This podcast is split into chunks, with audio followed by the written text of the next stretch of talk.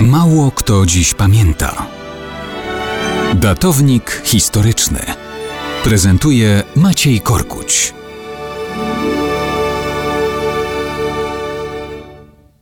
Mało kto dziś pamięta o tym, że 80 lat temu kule polskiego CKM-isty sięgnęły niemieckiego generała, niedawnego naczelnego dowódcę wojsk lądowych całej Rzeszy, Wernera von Fritzscha.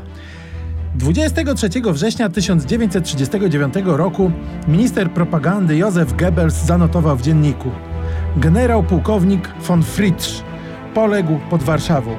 Pozostawił bardzo przykre i bolesne wspomnienie, nie zawsze postępowano z nim właściwie. O co chodzi?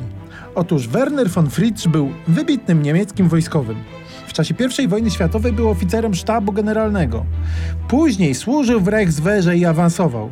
Za czasów Hitlera jego talenty doceniono jeszcze bardziej. W 1936 roku został naczelnym dowódcą niemieckich wojsk lądowych.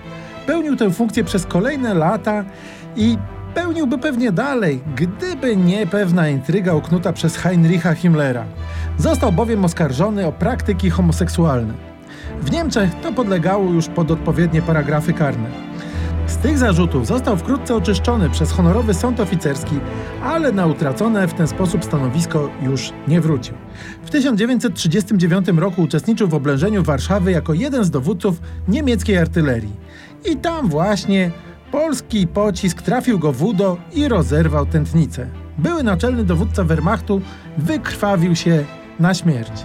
Mimo różnych przejść do końca życia deklarował dumę z przynależności do NSDAP.